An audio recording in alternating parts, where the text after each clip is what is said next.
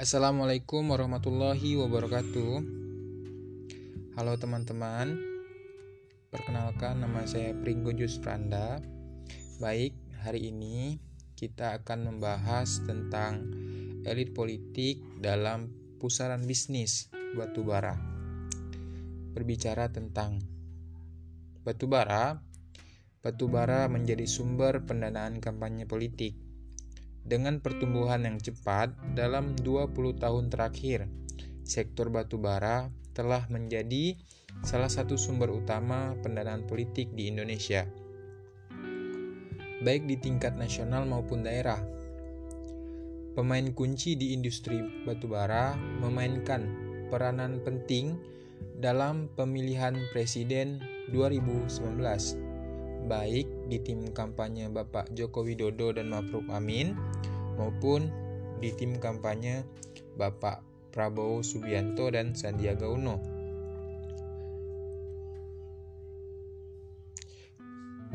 Pilkada langsung dalam konteks desentralisasi memerlukan pendanaan politik yang tidak sedikit.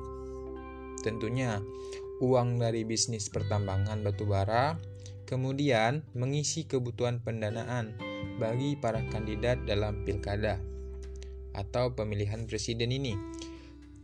KPK dan organisasi masyarakat sipil mencatat adanya kenaikan tajam jumlah izin pertambangan saat kampanye pilkada atau segera setelah pilkada selesai atau pemilihan presiden selesai.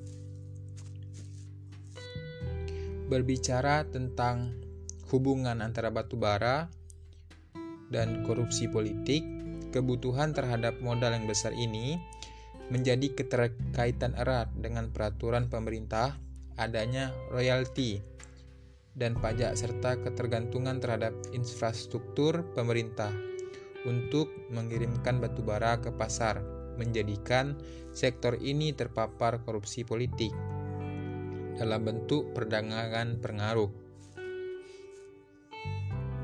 Perusahaan pertambangan batubara harus berusaha dengan pejabat politik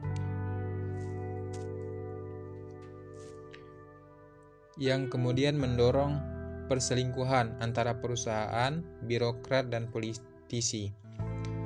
Para elit politik juga menyatukan bisnis dengan politik di sektor pertambangan batubara tentunya. Antara lain, seperti Bapak Abu Rizal Bakri, mantan Ketua Umum Partai Golkar, dan Ketua Dewan Pembina Partai Golkar serta mantan menteri di pemerintahan seperti Susilo Bambang Yudhoyono dengan PT Bur Bumi Resource dan Bapak Prabowo Subianto pendiri dan Ketua Umum Partai Gerindra dengan grup bisnis Nusantara.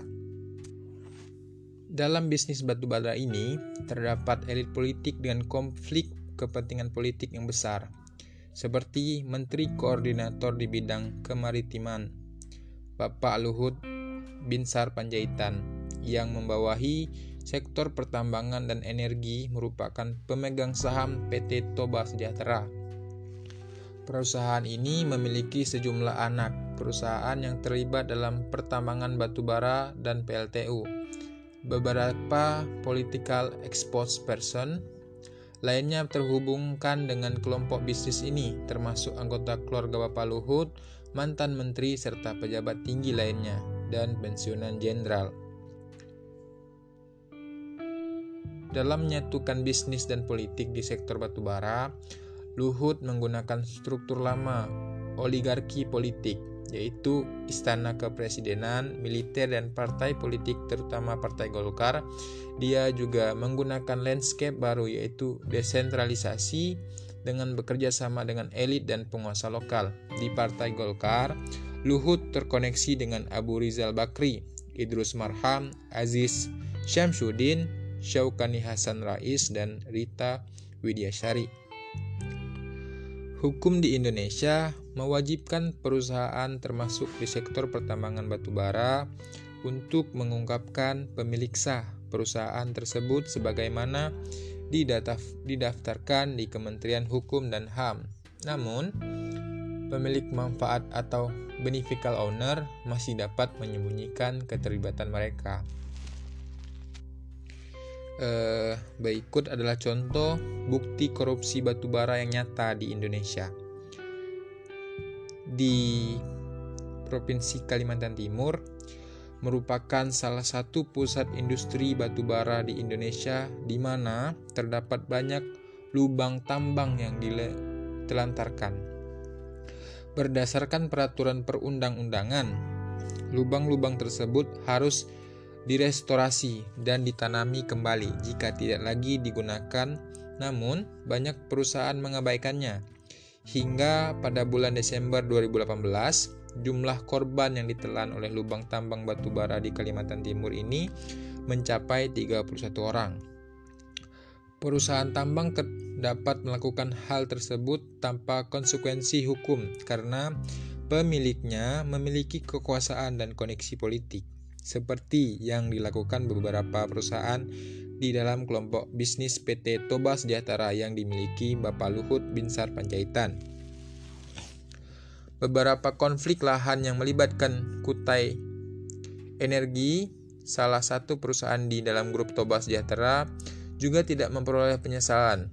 Bahkan pada saat keputusan pengadilan telah memenangkannya masyarakat lokal. Hal ini telah menyebabkan masyarakat lokal kehilangan akses terhadap penghidupan.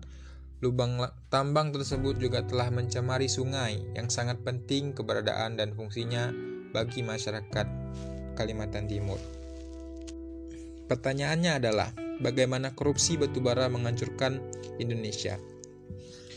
Indonesia telah mendapatkan julukan The Dirty Man of Asia karena ketergantungan terhadap batu bara yang secara aktif didorong oleh political exposed person untuk keuntungan pribadi mereka sendiri. Rencana pemerintah Indonesia untuk mengurangi produksi batu bara belakangan ini telah diputarbalikkan. Alih-alih mengurangi jumlah produksi, batu bara menjadi 413 juta ton pada tahun 2017 sebagaimana direncanakan produksi batu bara malah naik menjadi 477 juta ton.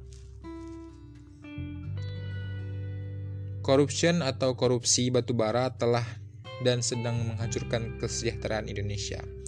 Praktik ini mencemari lingkungan, mematikan, merusak revolusi, dan melemahkan demokrasi di Indonesia melalui praktik korupsi politik korupsi politik di sektor batubara harus diakhiri dengan mengakhiri ketergantungan kepada komoditas tersebut untuk masa depan Indonesia yang lebih baik. Energi dan politik yang bersih. Menurut saya, eh, rekomendasi aksi dalam mengatasi korupsi politik di bidang bisnis pertambangan batubara ini yaitu dengan memperkuat penegakan hukum dalam operasi pertambangan batu bara. Kelemahan yang ada saat ini adalah kehadiran PEP dalam kepemilikan dan kepemimpinan perusahaan batu bara.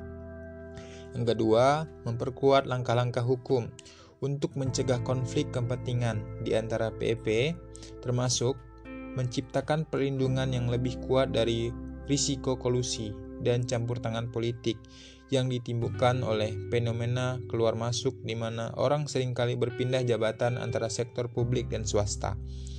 Yang ketiga, menyetor, menyoroti pemilik manfaat dalam usaha pertambangan batu bara. Jika pemilik perusahaan yang sebenarnya tersamar, publik tidak mungkin dapat mengetahui siapa yang mengendalikan perusahaan tersebut. Yang keempat, menyusun peta jalan untuk menutup bisnis pertambangan batu bara di Indonesia dampak terhadap lingkungan dan komunitas, pembangunan yang tidak berkelanjutan, dan konflik sosial yang timbul akibat pertambangan batu bara sangat luas dan tidak dapat dihindari. Sebuah peta jalan harus dibuat untuk melakukan transisi energi dari batu bara ke energi bersih dan terbuka